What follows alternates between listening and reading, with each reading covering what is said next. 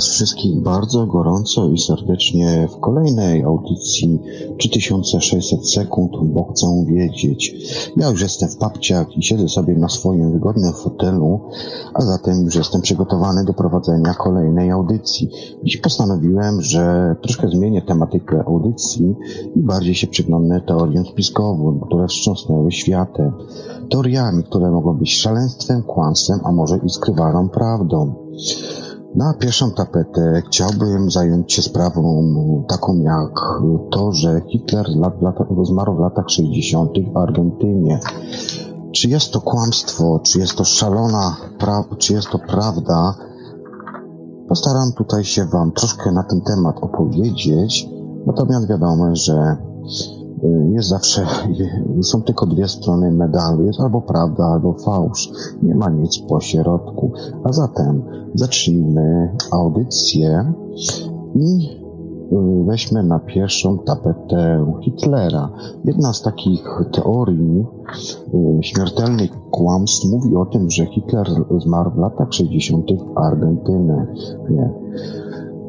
Co tutaj w swoich notatkach przygotowałem? Już wam teraz to wszystko ładnie opowiem. A zatem nadpalone zwłoki, które radzieccy żołnierze znaleźli w ogrodzie starej kancelarii Rzeszy w Berlinie 2 maja 1945 roku nie należały do Adolfa Hitlera. Człowiekiem, któremu prawdopodobnie kazano się zastrzelić lub zabito go strzałem z bliska w głowę, był Gustav Weller, niemal e, idealnie wyglądający jak Hitler, jednym słowem sobowtór Führera. Miał on bardzo podobne rysy, a zwłaszcza nos i usta. Włosik i fryzura również była e, no, praktycznie w takim samym stanie, jak miał Adolf Hitler, ale oczywiście był jeden z szkopu. Mianowicie nie pasowały tutaj uszy. I ponieważ te uszy tutaj nie pasowały według badań, jakie później przeprowadzono, badacze doszli do wniosku, że ten właśnie drobiazg czyni tą różnicę. Podobnie, podobnie jak w wielu innych przypadkach, których to oszusta podającego się za inną osobę zdemaskowano dzięki porównaniu kształtu małżowiny, tak jak i tutaj eksperci nie mają wątpliwości.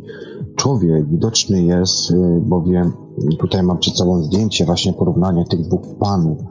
I tak jak tutaj właśnie panowie eksperci piszą, człowiek widoczny na zdjęciu znanym jest jako zwłoki Adolf Hitler, ale czy na pewno? Oni sądzą, że nie. Hitler miał wiszące, okrągłe, dobrze wykształcone płatki uszu.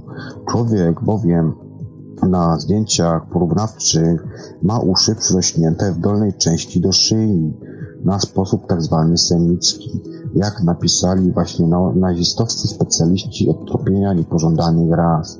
Także odległość ust od nosa jest inna, mniejsza niż u Adolfa Hitlera. Zdjęcie, które mam przed sobą, w przeciwieństwie do wielu innych fotografii, przedstawia bardzo dobrze wyglądającego eks-kanclerza Rzeszy i nie było ono ani retuszowane, ani przerabiane.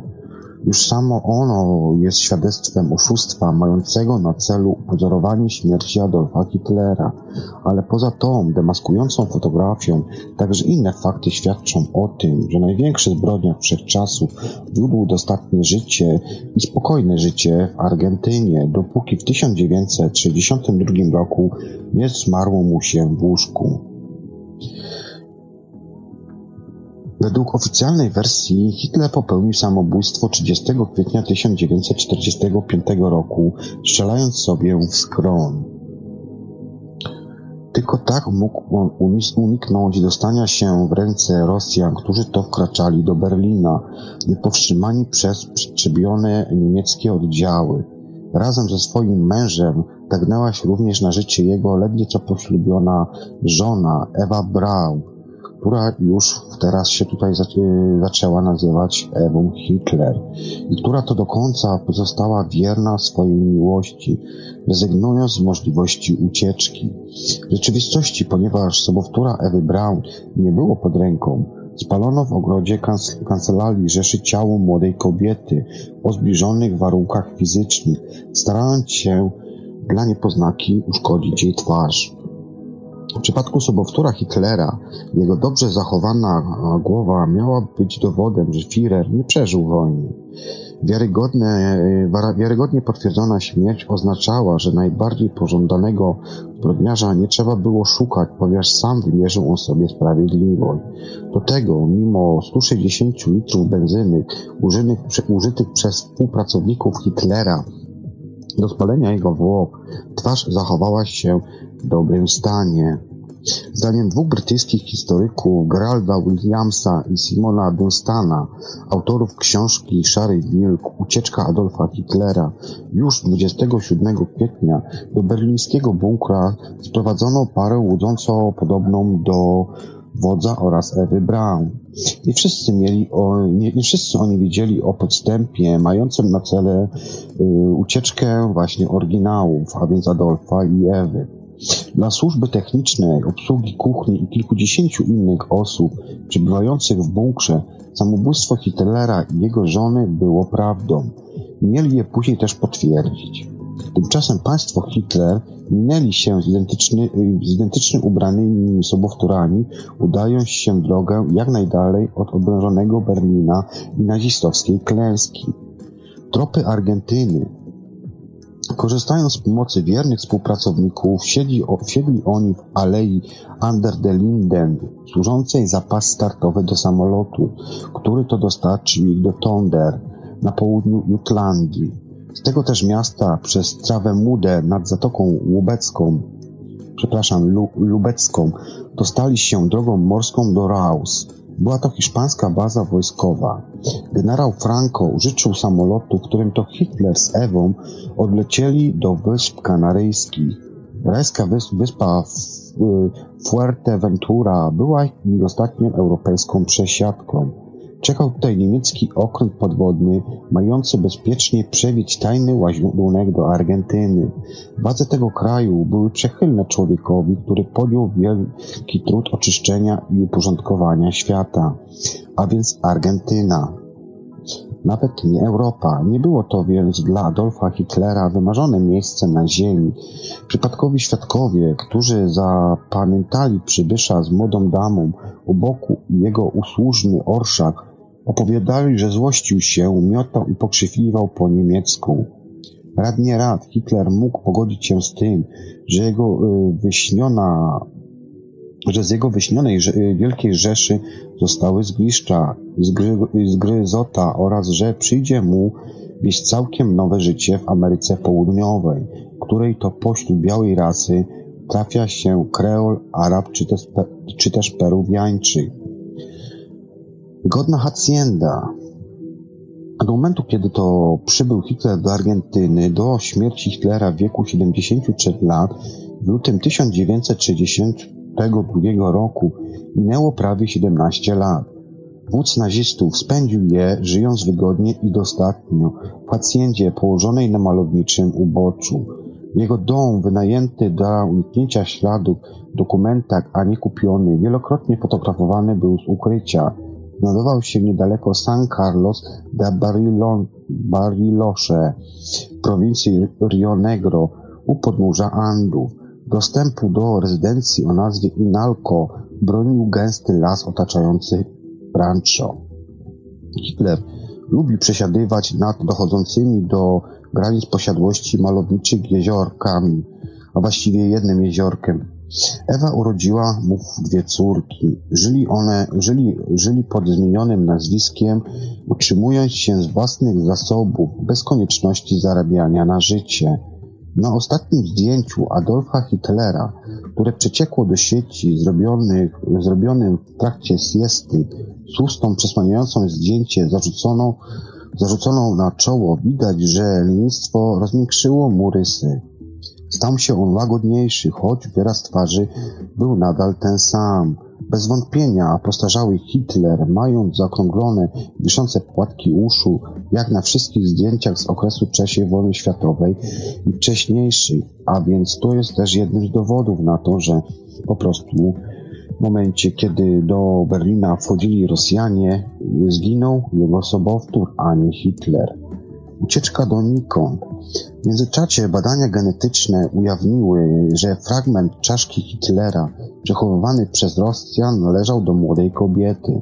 Testy miały być odpowiedzią na oczekiwania tych, którzy na potwierdzenie śmierci Hitlera żądali jednoznacznych dowodów medycznych, takich jak zwykle się gromadzi w podobnych sytuacjach, gdy istniały wątpliwości. W przypadku Hitlera badanie skończyło się całkowitym fiaskiem. Zgadzał się nawet wiek ani płeć.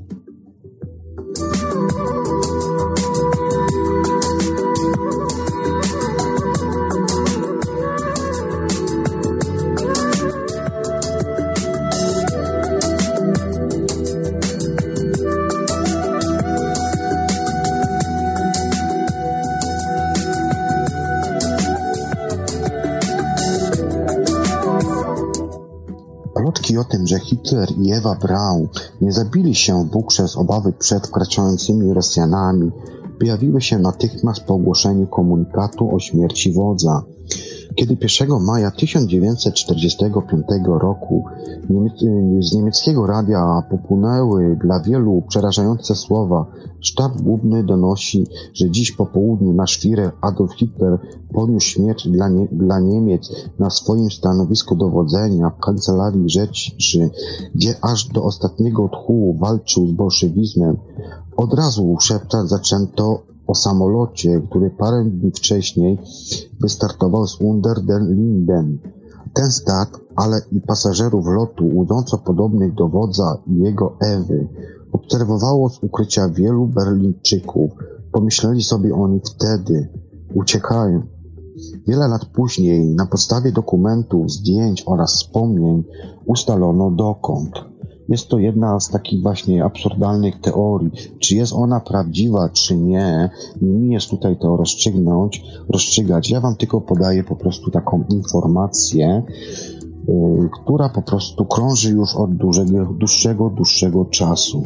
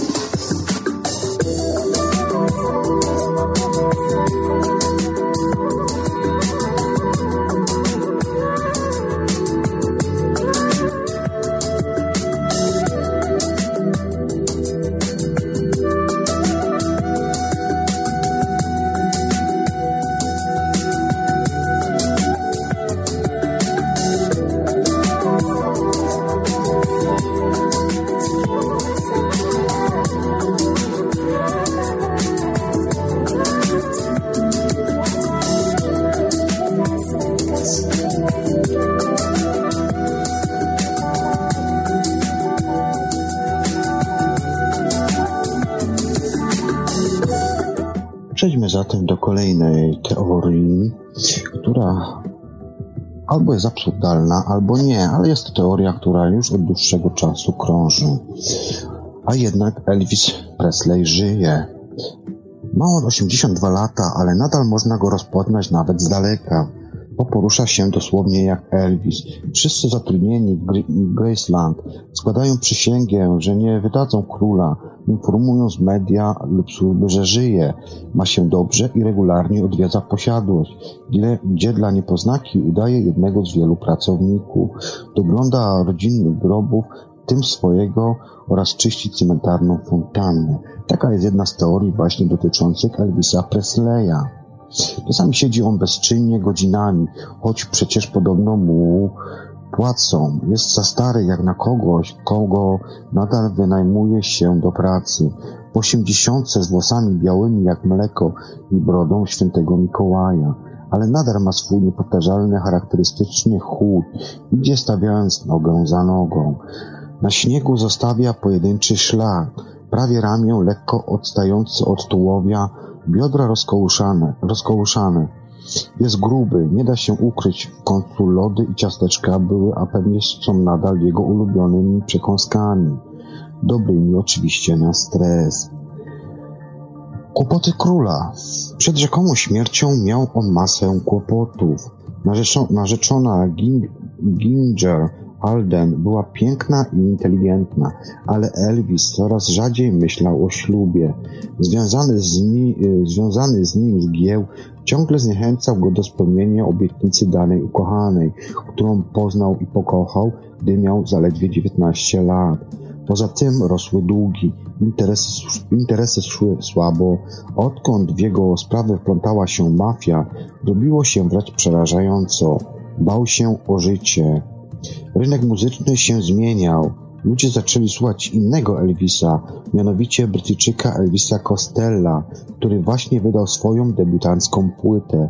Poza tym królował punk rock i nawet fani króla zaczęli słuchać, słuchać takich zespołów jak na przykład Sex Pistols. Rok 1977 był dla Elvisa ciężki. Pewnej sierpniowej nocy poszedł do łazienki, żeby poczytać. Ginger miała wtedy lekki sen. Nie chciała budzić, nie chciał więcej budzić światłem. Jej późniejsze zeznania mówiły jednak o tym, że lampka do czytania pozostała włączona. Oto oznacza, że w domu w Memphis zaszło coś, czego wersję para uzgodniła dość niedbale. Genialny plan króla rock'n'rolla polegał na tym, żeby umrzeć i zacząć żyć inaczej, bez kłopotów i pogróżek mafii. A zatem, czy była to sfingowana śmierć? Wystarczyło za osłoną, zasłoną opłatą zorganizować cyrk z sanitariuszami i policją w roli głównej. Wszystko zostało sfingowane. Od nagłej śmierci po, wy, po wyniki sekcji zwłok mówiące o zatrzymaniu akcji serca po przedawkowaniu leków oraz o tym, że ostatnim posiłkiem Elvisa były lody i czekoladowe ciasteczka, to, co lubił oczywiście najbardziej. Ginger, która następnego dnia około 14.00 poszła do łazienki, jak opowiadała, pełna złych przeczuć, miała zastać Elvisa kręczącego z rękami wyciągniętymi do przodu. Mało jest to prawdopodobne, żeby umrzeć właśnie w takiej pozycji, ale ludzie jednak to kupili. W XXI wieku z ciała złożonego w grobie Elvisa Presleya, którego pochowano na terenie jego posiadłości Graceland w Memphis, pobrano próbkę do badań genetycznych. W 2005 roku ukazała się książka Elvis DNA Prover His Elif, której to Bill Burney ujawnił wyniki analiz materiału genetycznego. Porównanie, porównanie DNA z ciała złożonego w grobowcu z tym z krwi Elvisa pobranej za jego życia wykazuje ogromne rozbieżności. Na prywatnym cmentarzu w Graceland pod, pod płytą z napisą Elvis Aaron Presley spoczywa ktoś inny. W dniu śmierci, w chwili gdy zgodnie z oficjalną wersją klęczał on martwy w łazience, Elvis był widziany przez wiele osób na lotnisku, gdzie kupował bilety do Buenos Aires. Miał przy sobie niewielki bagaż w torbie podróżnej. mogło zmieścić się kilka ulubionych książek, m.in. Księga Liczb, autobiografia hinduistycznego guru Paramasy Yoganandi egzotyczne wydawnictwa o śmierci, które go fascynowała, która go fascynowała. Zniknęły z Graceland i nigdy nie pojawiły się na rynku aukcji, do czego też prędzej czy później doszłoby, gdyby ktoś je ukradł. Być może 82-letni dzisiaj Elvis, regularnie filmowany i pojawiający się na YouTubie przy okazji odwiedzania Gracelandu, nadal ma zazwyczaj czytywać je w łazience po latach byli pracownicy w posiadłości Elvisa złamali przysięgę do założenia, której, do złożenia której musieli, zostali oni zmuszeni przez, przed zatrudnieniem. Opowiedzieli, że muzyk regularnie odwiedzał Graceland dla niepoznaki udając ogrodnika. Roztył się, nosił swobodne stroje i ciemne okulary. Czasem coś podśpiewuje. Jest to jedna z kolejnych teorii, taka właściwie najbardziej żyjąca teoria. Jaka jest prawda? No cóż, wydaje mi się, że nigdy chyba nie poznamy, no bo przecież po co?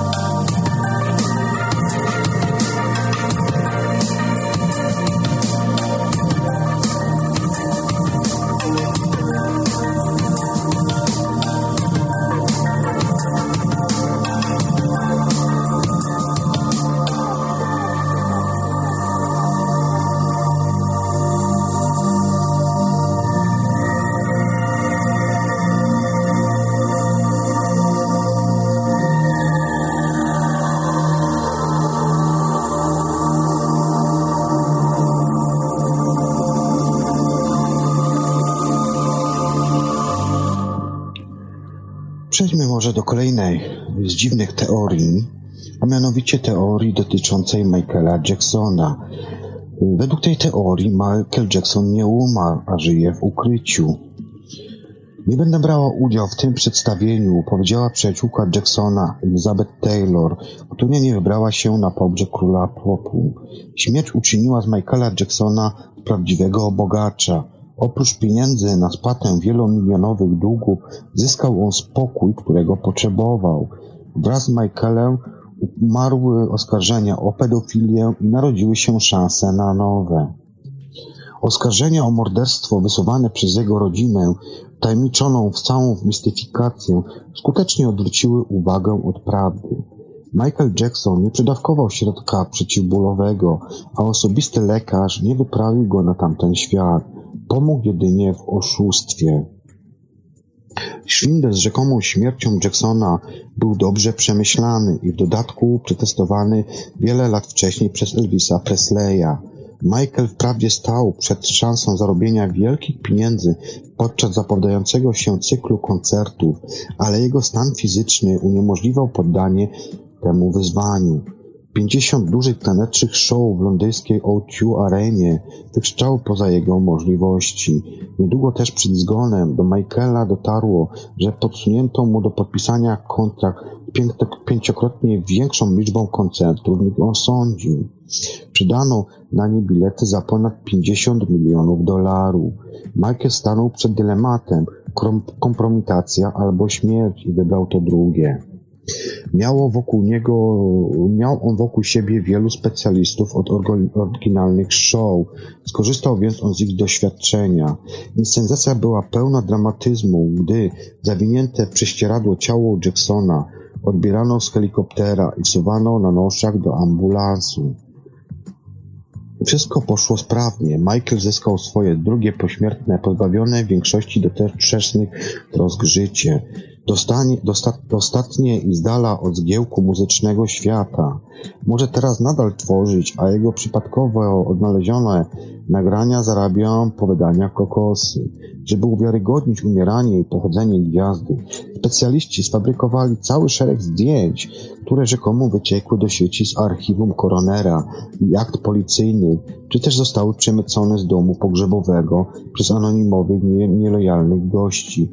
Gdyby nie tytaniczna praca wykonana przez internautów z detektywistycznym zacięciem, można by te fotograficzne przecieki potraktować jako ostateczny dowód, że Michael Jackson naprawdę zszedł na skutek zatrzymania akcji serca 25 czerwca 2009 roku w wieku 50 lat.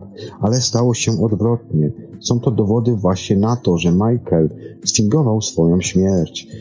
Podejrzana wesołość bliskich przyjaciół i rodziny na publicznej części ceremonii pogrzebowej króla popu nie jest wystarczającym argumentem za tym, że trumna była pusta, a Michael, który dzięki kłopotom z odpadającym nosem stał się mistrzem kamuflażu, siedział być może na widowni. Ale już zdjęcia Michaela na stole sekcyjnym w tłumie i w ambulansie nie pozostawiają wątpliwości, że nie są prawdziwe. Zmontowano je dość prymitywnie ze starych ujętych ujęć żywego Michaela, czasem nawet tych powszechnie znanych. Na przykład rzekomo fotografia zaintubowanego Jacksona to fotomontaż zrobiony na bazie popularnego, popularnego zdjęcia z lat 80., na którym ma zamknięte oczy. Na fotografiach ze stołu sekcyjnego, tym najbardziej drastycznych, przedstawiających wyniszczone ciało muzyka, naprawdę oglądamy figurę manekina, pozbawioną pępka.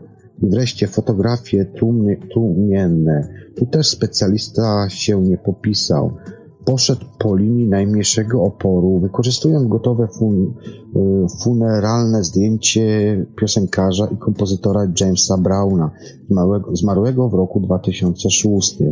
W tym przypadku podmieniono tylko głowę, pozostawiając niezmienioną resztę. Zadanie polegające na znalezieniu dziesięciu szczegółów, którymi różnią, różnią się dwa obrazki przedstawiające Browna oraz Jacksona w otwartych trumnach jest niewykonalne, bo szczegół jest tylko jeden. Czy Michael Jackson faktycznie pojawił się, pojawia się często w towarzystwie rodziny, choć oczywiście nie publicznie, czy jest, czy jest tajemniczym mężczyzną o sylwestrze Michaela, mm, twarzą skrytą pod daszkiem czapki z zaciemnymi okularami? Sądząc z filmów dostępnych na YouTubie, po śmierci Michael nabrał wigoru, przytył, ma się świetnie i być może niczego nie przedawkowuje.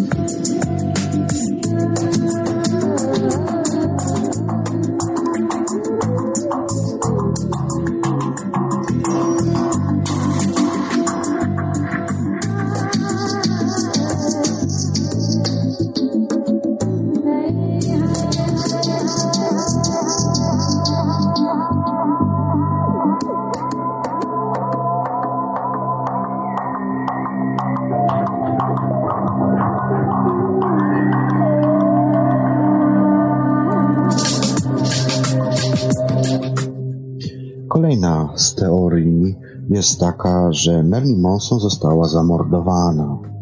Noc była gorąca, sierpniowa. Mary Monroe leżała z twarzą wtuloną w poduszkę na łóżku w swojej sypialni w domu w Brentwood, w zachodnim Los Angeles. Była naga i martwa. Obok na nocnym stoliku stała pusta butelka w pośrodku nasennym. Y, to był net butal, sól sodowa barbitalu. Jest to silny lek przeciwpadaczkowy i uspokajający. Dzisiaj używa się go do usypiania zwierząt przed zabiegami. Merlin leczyła bezsenność, popijając wprost z butelki właśnie ten oto środek. To ją rozluźniało i odgarniało natrętne myśli. Tej nocy zasnęła jednak bez tego środka, ponieważ śladów tego leku, jak i tabletek nasennych nie znaleziono w jej żołądku. Krwi wykryto wysoki poziom narkotyków, ponieważ zabójcy zrobili jej śmiertelny zaszczyt. Obu ona oczywiście musiała znać. Pozwoliła im ona wejść zaanszonowanym przez gospościę Eurikę Murray. Kilka świadków, co wyszło w trakcie pospiesznie i pobieżnie przeprowadzonego śledztwa, widziało dwóch mężczyzn wchodzących wieczorem do domu aktorki. Jeden z nich trzymał w ręku lekarską torbę. Zgłoszenie o znalezieniu zwłok odebrała siedzący sierżant Jack Clemens, dyżurujący na komisariacie policji West Los Angeles. Był 5 sierpnia 1962 roku, godzina 4.25. Po przybiciu zdziwił się, że lekarze Merlin, których to zaalarmowała gosposia, internista Himan Engelberg i psychiatra Lab Grinson, zwlekali ze, ze sprowadzeniem pomocy i zawiadomieniem władz. Sami oni podjęli akcję ratunkową, szykując mądrą adrenalinę w serce. Ich zdaniem aktorka była w agonii i na ratunek było już za późno. Sekcja nie ustaliła rzeczywistej godziny zgonu, ale Connor stwierdził, że stan ciała wskazywał, że śmierć nastąpiła co najmniej kilka godzin wcześniej, co nijak miało się to do zeznań lekarzy i gosposi. Mordercy mieli sporo czasu na zatarcie śladów z broni. Chwili przybycia śledczych panna Muraj, choć ledwo zaczęło świtać, kończyła właśnie pranie. Ślad po zaszczyku, siniak na biodrze denatki wzięto, wzięto w trakcie sekcji za pozostałości po lekkim uderzeniu, przykład o mebel. Ktoś zabił Marilyn Monroe, Monroe w jej sypialni, rozebrał i ułożył na łóżku, przystawiając białą pościel. W jej wiotką dłoń sunięto słuchawkę telefonu, żeby zasugerować próbę wezwania pomocy. Nie było bowiem tajemnicą, że Monroe już kiedyś próbowała się zabić, ale wtedy w poryść y, sięgnęła po telefon. Świadkowie plątali się w zeznaniach. Sytuacja była zagadkowa nawet dla posterunkowego bez doświadczenia, który dziwił się, że ani lekarzy, ani gosposi nie przesłuchano pod przysięgą. Jeszcze przed pogrzebem swojej chlebodawczyni gosposia Marilyn opuściła Amerykę, udając się w drugą koszt kosztowną podróż po Europie. Zapłacono jej za milczenie. Śledczych jednak nie zainteresowało to, skąd ona miała fundusze na trwające pół roku wojaże.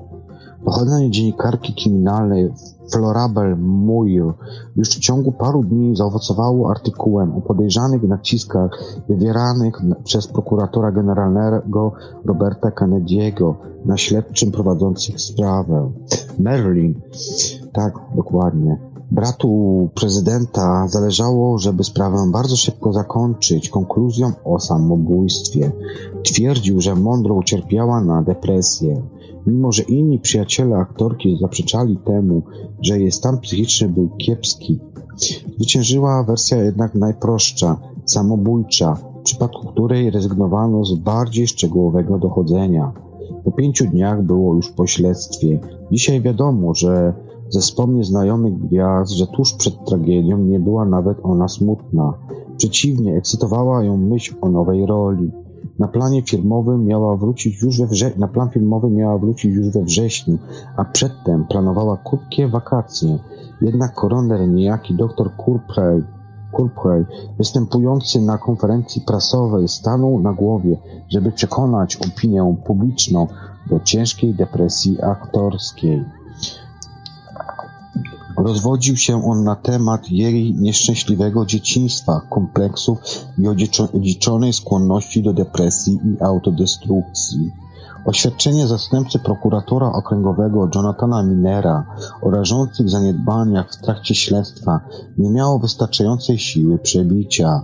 Miner stwierdził wprost, że na podstawie ustalonych faktów można wysnuć jedynie słuszne wnioski, że Merlin została zamordowana. Zapytany przez dziennikarza, co z jej samobójczą śmiercią, odpowiedział, że Cytuję, jest ona wysoce nieprawdopodobna. Koniec cytatu. Biorąc pod uwagę śledcze standardy, wydaje się różnie wysoko nieprawdopodobne, że w trakcie dochodzenia nie zbadano miejsca zdarzenia, nie pobrano odcisków palców, a w czasie sekcji zrezygnowano z podabrania próbek organów do badań toksykologicznych. Nie sprawdzono nawet, z kim ona telefonicznie się kontaktowała przed swoją śmiercią. Po latach dziennikarz, dziennikarz śledczy Jay Margolis i pisarz Richard Buskin postanowili na papierze postawić zarzuty morderstwa tym, których uważali, uważali za uwikłanych w śmierć ikony kina. Akta FBI odtajnione i ujawnione w prasie na podstawie ustawy Freedom of Information Akt o wolnym dostępie do informacji o działaniu aparatu państwowego wiele mówią o lewicowych sympatiach i powiązaniach Monroe oraz o tym, jak skrupulatnie odnotowywała się, odnotowywano jej kontakty z socjalistycznymi aktywistami. Gwiazda była inwigilowana przez kilka lat. Wiedziano o jej romansie najpierw z prezydentem Kennedym, a potem jego bratem Robertem, a także o tym, że z którymś z nich zaszła w ciążę i że zmuszono ją do jej usunięcia. Z dokumentów wynika też, że śledczy FBI stawiali raczej na morderstwo, ale w wyniku tajemniczych nacisków z góry forsowali oni tezę o samobójstwie, o samobójstwie muzyków i pisarzy. Były mąż Monroe, Arthur Miller, także był na celowniku FBI. Dziennikarz i pisarz Norman Mayer, który przeanalizował dokumenty z akt FBI dotyczące Marilyn Monroe, uważa, że aktorkę zamordowa zamordowali wysłannicy rządu, ponieważ groziła skandalem um, zarówno prezydentowi Kennedy'emu, jak i jego bratu Robertowi. Planowała ona zorganizowanie konferencji prasowej w trakcie której chciała ujawnić charakter swoich stosunków ze sferami rządowymi. Znane śledztwo zakończone w 1982 roku nie znalazło dowodów na morderstwo gwiazdy. Prokuratura w Los Angeles wydała jednak oświadczenie o istnieniu niepowtarzalnych dowodów na to, że śledczy prowadzący sprawę tej śmierci naciskali na, y, poprzez FBI, nakazując ich iść tropem samobójstwa. To Federalne Biuro Śledcze zajmowało się także niedopuszczeniem dowodów mogących zmienić orzeczenie śledczych. Prywatny detektyw Milos Pergilio, który sprawę Marilyn Monroe badał przez 16 lat, nie miał możliwości, że prezydent Kennedy przekazał kochankę bratu, a ten kazał ją uciszyć. W swojej książce napisał on, cytuję, Odkryłem w trakcie śledztwa, że Marilyn um, sprawiła sobie nową garderobę u Saxa na Piątej Alei i u Jaksa w Beverly Hills, co zupełnie nie pasuje do kogoś, kto myśli o samobójstwie. Koniec cytatu. Przypomniał sobie też, e, że, że z domu gwiazdy zniknął słynny czerwony notatnik, którym to zapisywała swoje intymne sekrety. Detektyw dotarł do świadków, którzy to potwierdzili, że w jednym, że w jednym z mężczyzn zmierzających do domu Henry Moore w dniu jej śmierci rozpoznali oni Bobiego, Bobiego K., o czym policja nie miała nawet słyszeć. Poznał też datę zwołania konferencji mającej złamać karierę obu słynnych Kennedy, która miała się odbyć 5 sierpnia. Merlin uciszono jednak w ostatniej chwili.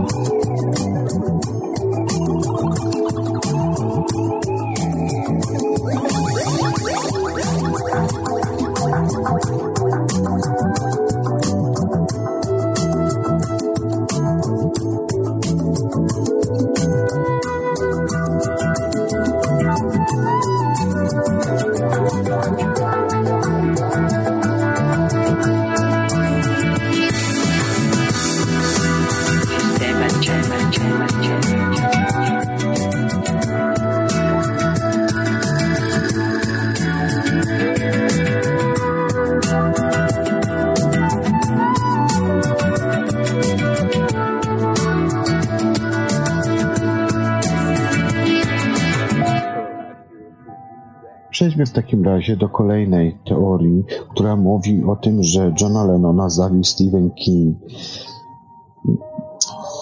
Dowodem na to, że Mark David Chapman jest tylko kozłem ofiarnym, odsiadującym wieloletni wyrok za niepopełnioną zbrodnię, a prawdziwym zabójcą Johna Lennona jest król horroru Stephen King, jest jedno przypadkowo zrobione zdjęcie. I przedstawia ono wbrew oficjalnej wersji Marka Chapmana, otrzymującego fotografa od swojego idola, ale właśnie Kinga, według autorów teorii spiskowych prawdziwego zabójcę Leniona.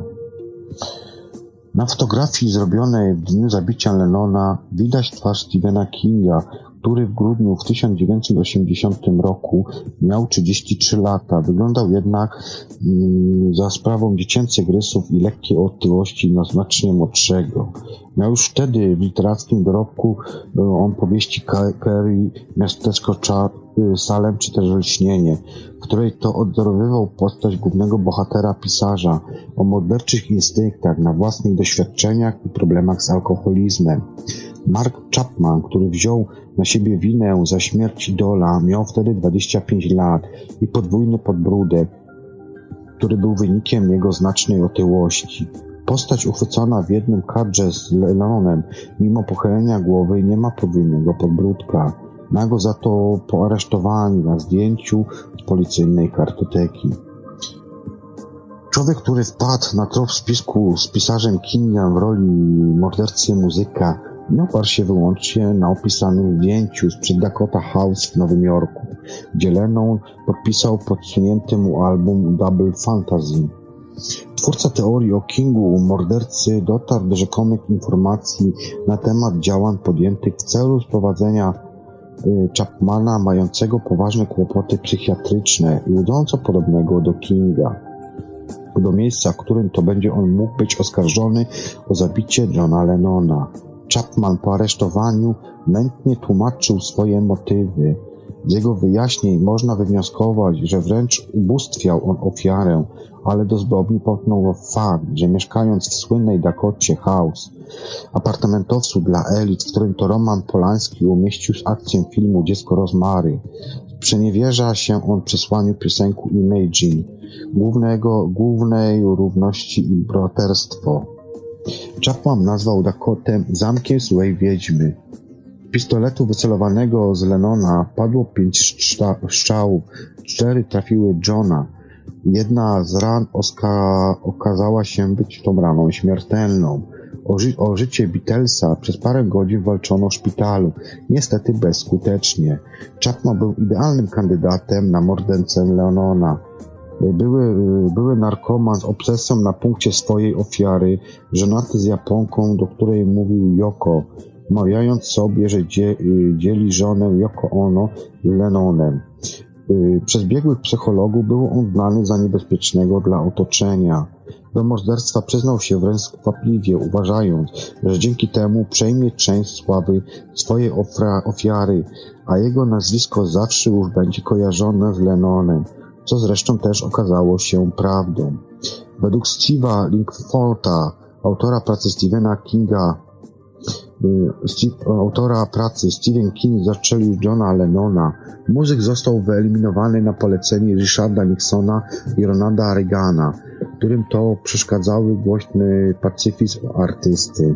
Dlatego na wykonawcę wyroku wybrali Kinga. Pozostaje, dlaczego to właśnie wybrali na wykonawcę tego wyroku Kinga, pozostaje zagadką. Linkford znalazł jednak nawiązania do wypadków przed Dakotą takich opowieściach Kinga, napisanych jeszcze przed morderstwem, jak Miasteczko Salem, czy też Martwa Strefa. Przede wszystkim jednak drobiazgowo porównał, porównał on fotografię Kinga z tego okresu ze zdjęciem mordercy z bramy prowadzącej do Dakoty.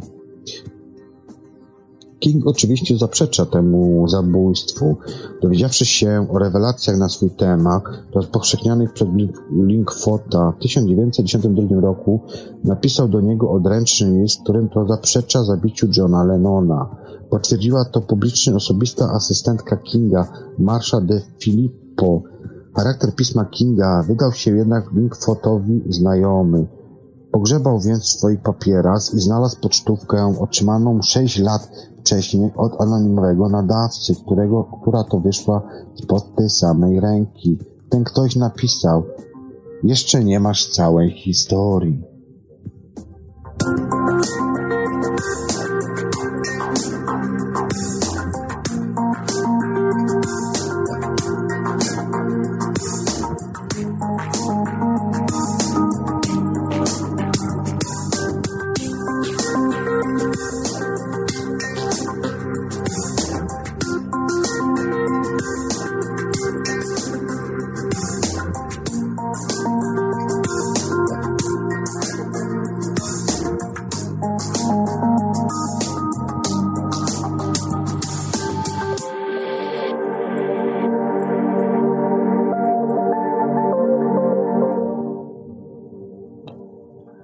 Zabiły służby specjalne. To kolejna teoria, której teraz chcę się przyglądnąć. 31 sierpnia 1997 roku w paryskim tunelu Alma rozegrał się dramat, o którym podejrzewane są służby brytyjskie, realizujące bezwzględne polecenie dworu zabić Dianę. Księżna jej partner Dodi Al-Fayed, syn egipskiego miliardera, producent filmowy, chcieli spędzić noc w jego apartamencie. Musieli jednak dojechać tam z hotelu Ritz Paris należącego do ojca Todiego. Bez zdjęć mocno bijących reputację księżnej Wali było to jednak niemal niewykonalne. Pod hotelem czekali na parę najbardziej zajadliwi paparazzi. Stawka była bowiem wysoka. Gazety czekały na sensacyjne zdjęcie pary do porannego wydania. Pobyt Diany i jej towarzysza w Paryżu w drodze do Londynu nie był tajemnicą dla reporterów, mających informatorów w hotelach, na lotniskach, a nawet w policji. Para zjechała windą, po czym wsiadła na tyłach budynku do Mercedesa S280. Był z nimi kierowca i ochroniarz. Gnali oni ulicami nocnego Paryża, zostawiając w tyle fotoreporterów na motocyklach. Bulwarem wzdłuż Sekwany dojechali oni do hotelu prowadzącego na drugą stronę rzeki. Niespełna pół godziny po północy z podziemi dobiegł dźwięk przypominający wybuch. Samochód z księżną uderzył w trzynasty filar. Zostawcie mnie spokoju, brzmiały ostatnie słowa Diany. Miała ona rozległe obrażenia wewnętrzne, traciła krew. Liczyła się zatem każda sekunda. Tymczasem robiono zdjęcia. Medycy usiłowali reanimować ją na miejscu, a do szpitala miała dotrzeć dopiero około godziny drugiej, czyli o wiele za późno. Pięć godzin od wypadku była żona księcia Karola jechała z Ojomu do Kostnicy. Wypadek z każdą godziną wydawał się bardziej podejrzany. Stwierdzono, że przy dobrych chęciach służb ratowniczych Diana powinna trafić na stół operacyjny w ciągu 25 minut. Dlaczego jednak zwlekano? Czemu i czemu chyba po raz pierwszy w życiu nie zapięła pasów bezpieczeństwa? Wytłumaczeniem może być celowe uszkodzenie systemów pasów w Mercedesie, ponieważ nie zapiął ich nikt od Diany poprzez jej partnera i ochroniarza kierowcę.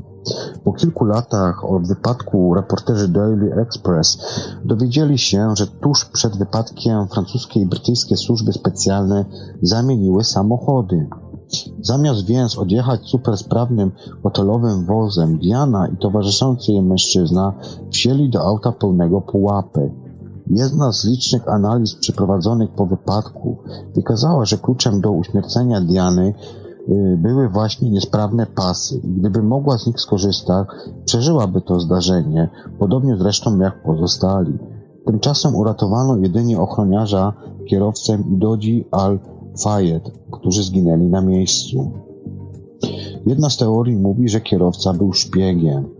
Do opinii publicznej przedostały się informacje, że Henry Paul, kierowca, nie, nie był pod wpływem alkoholu, jak mówił oficjalny raport koronera, tylko środka odurzającego o opóźnionym działaniu, co ujawniła jego rodzina. Narkotyk, który jeden z wykonawców zamachu na Dianę mógł podać mu w hotelowej kuchni, dał o sobie znać po wjeździe do tunelu. Prowadzący auto stracił panowanie nad kierownicą i z impetem uderzył w betonowy filar, ginąc na miejscu. Jeden ze świadków wypadku, François Levistre, odpowiedział też o tajemniczym błysku, który to trafił w szybę jadącego Mercedesu po stronie kierowcy. Jego spostrzeżenie potwierdziło jeszcze kilka osób z innych pojazdów, które to 31 sierpnia po północy znalazły się w federalnym tunelu. W trakcie śledztwa były agent brytyjskiej służby bezpieczeństwa Richard Tomlinson zeznał, że jego służby od rozwoju, od rozwodu z księciem Karolem bezustannie obserwowały Dianę. Czyżby czekały na właściwy moment, aby ją zlikwidować? Wygląda na to, że były, że były zmowie z kierowcą wiodącym księżną zatrudnionym w hotelu Ritz. Paul był szpiegiem brytyjskim, udającym współpracę z francuskim wywiadem i mającym na koncie zasad, zasoby znacznie przekraczające możliwości zarobkowe szofera. Jego znajomi twierdzili, że nigdy nie pił on alkoholu nie zażywał narkotyków. Mimo to zwłoki kierowcy okazały się prawdziwym z składem aptecznym, a antydepresanty w żołądku były najniebezpieczniejszymi substancji, które zostały odkryte w jego organizmie. Co ciekawe, zażycie leków takich jak Prozac i Aotal, znalezione we krwi Henry'ego Pola, odręcza od picia alkoholu. Być może jego zadaniem było tylko dostarczenie Diany do tunelu. Wykonawcą wyroku na księżnie miał być inny kierowca białego Fiata Uno, mający uderzyć w Mercedesa po stronie pasażerki. Faktycznie, zanim doszło do zderzenia z filarem, biały samochód otarł się o Mercedesa, pozostawiając, pozostawiając ślad lakieru i fragmenty reflektoru, po którym zidentyfikowali oni markę.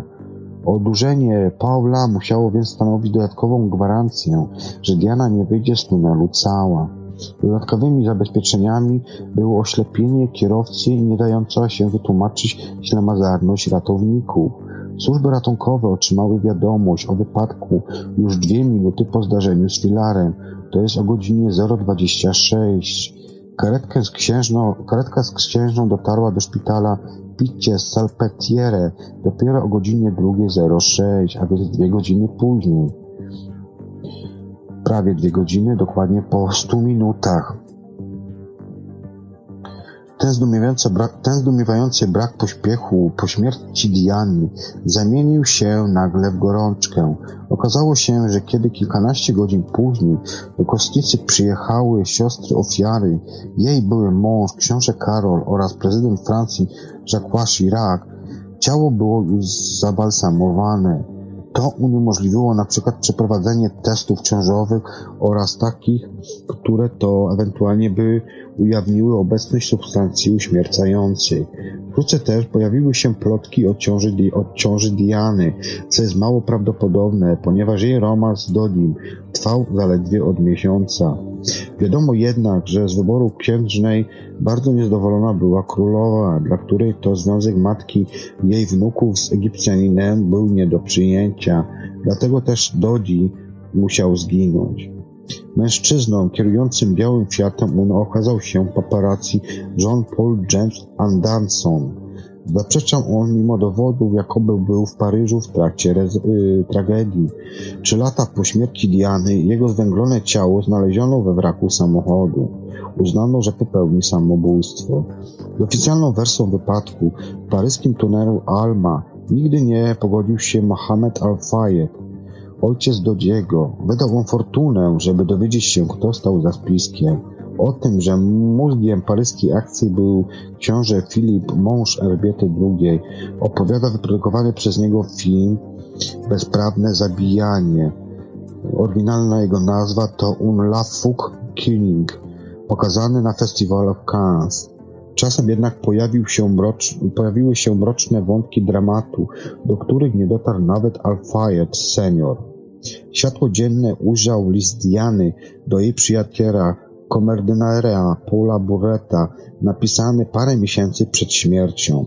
Księżna pisze w nim wprost, że Karol robi wszystko, aby zginęła w wypadku samochodowym. Czy w tej sprawie może być coś bardziej demaskującego spisek? Okazuje się, że tak. Przez paroma miesiącami 80-letni John Hopkins, były agent brytyjskich służb bezpieczeństwa M15, przyznał, że zabił on księżnę Dianę na zlecenie służb oraz że cel do usunięcia wyznaczyła bezpośrednio rodzina królewska.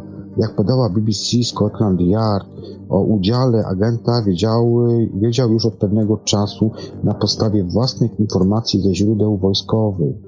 Obecnie policja nadal sprawdza tezę, jakoby księżna Diana i Dodi Al-Fayed zostali zabici przez byłego snajpera brytyjskich służb specjalnych.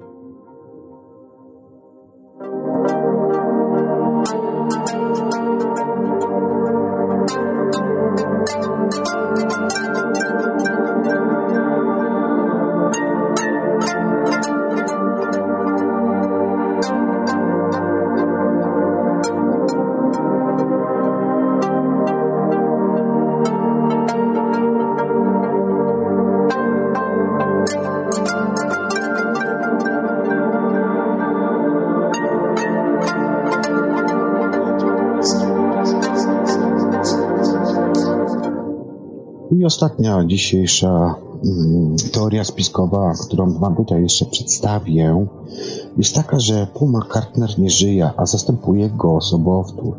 Historia o śmierci McCartneya była ujawniona kilkakrotnie, jednak za każdym razem opierała się jedynie na rzekome wskazówki, które to Beatlesi umieszczali na płytach.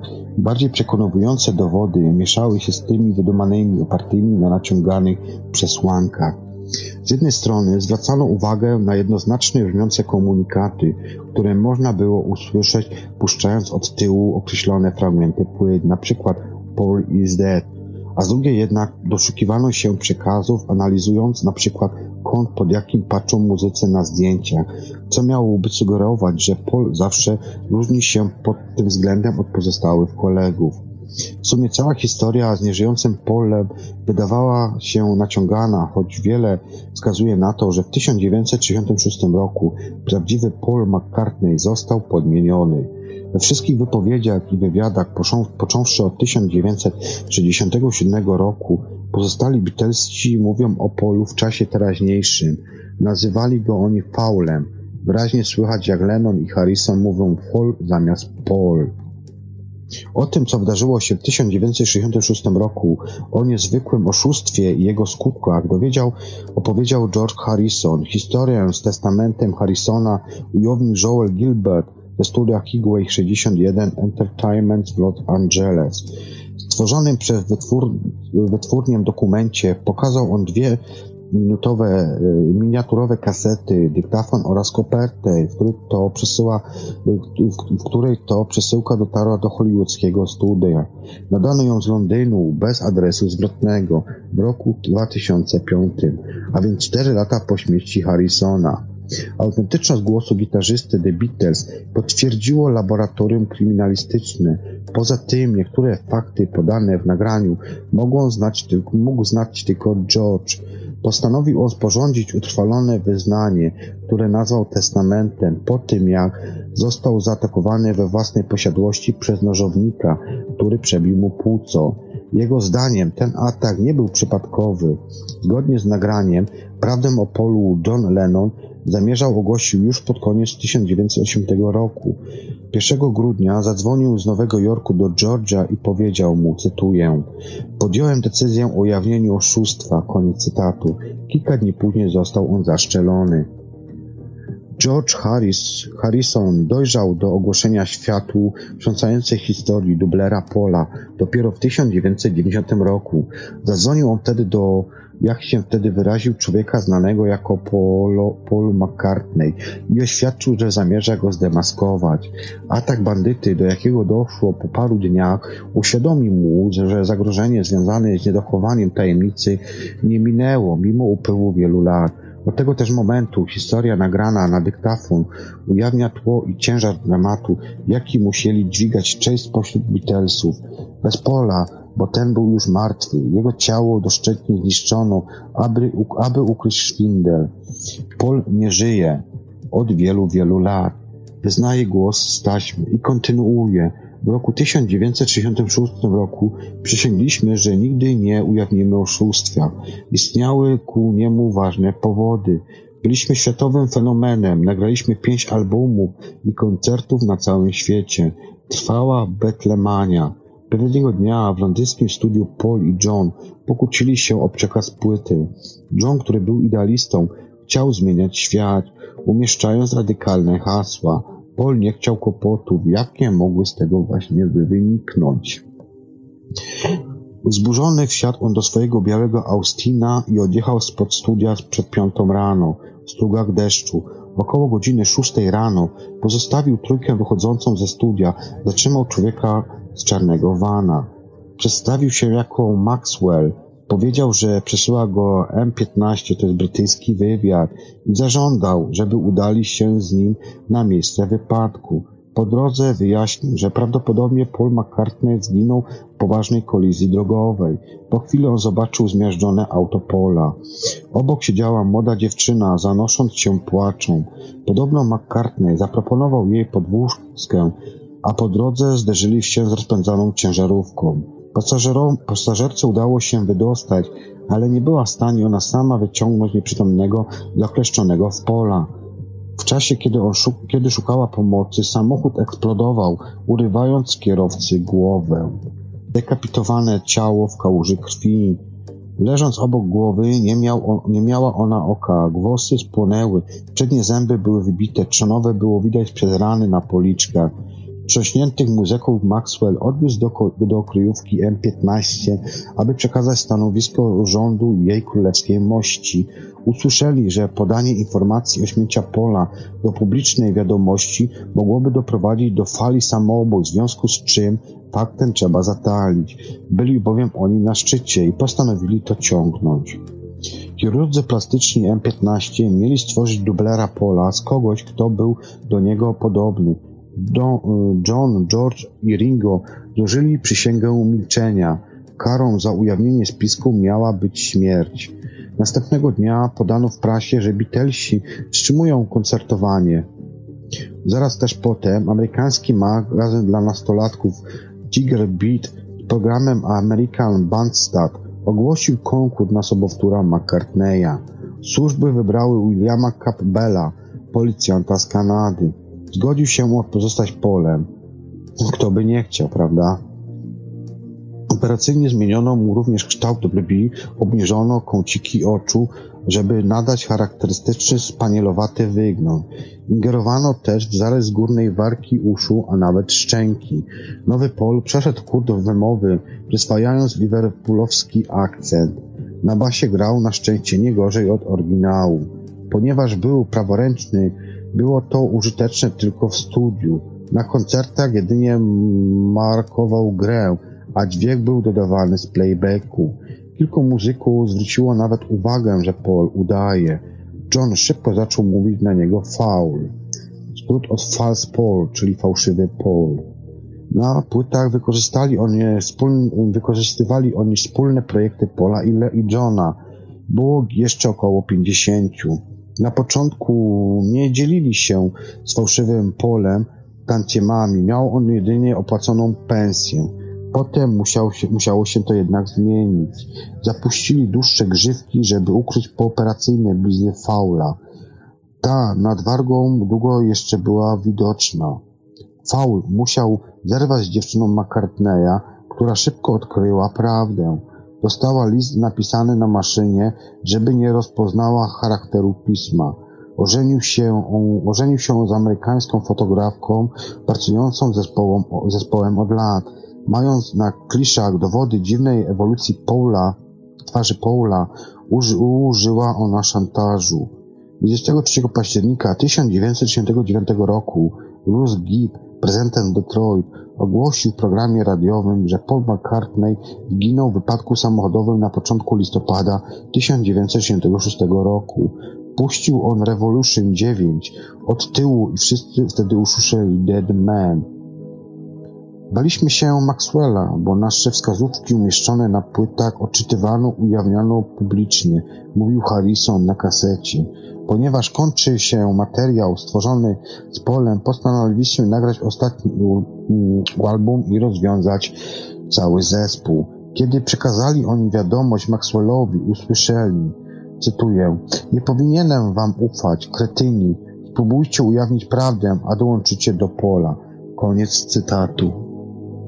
Thank you.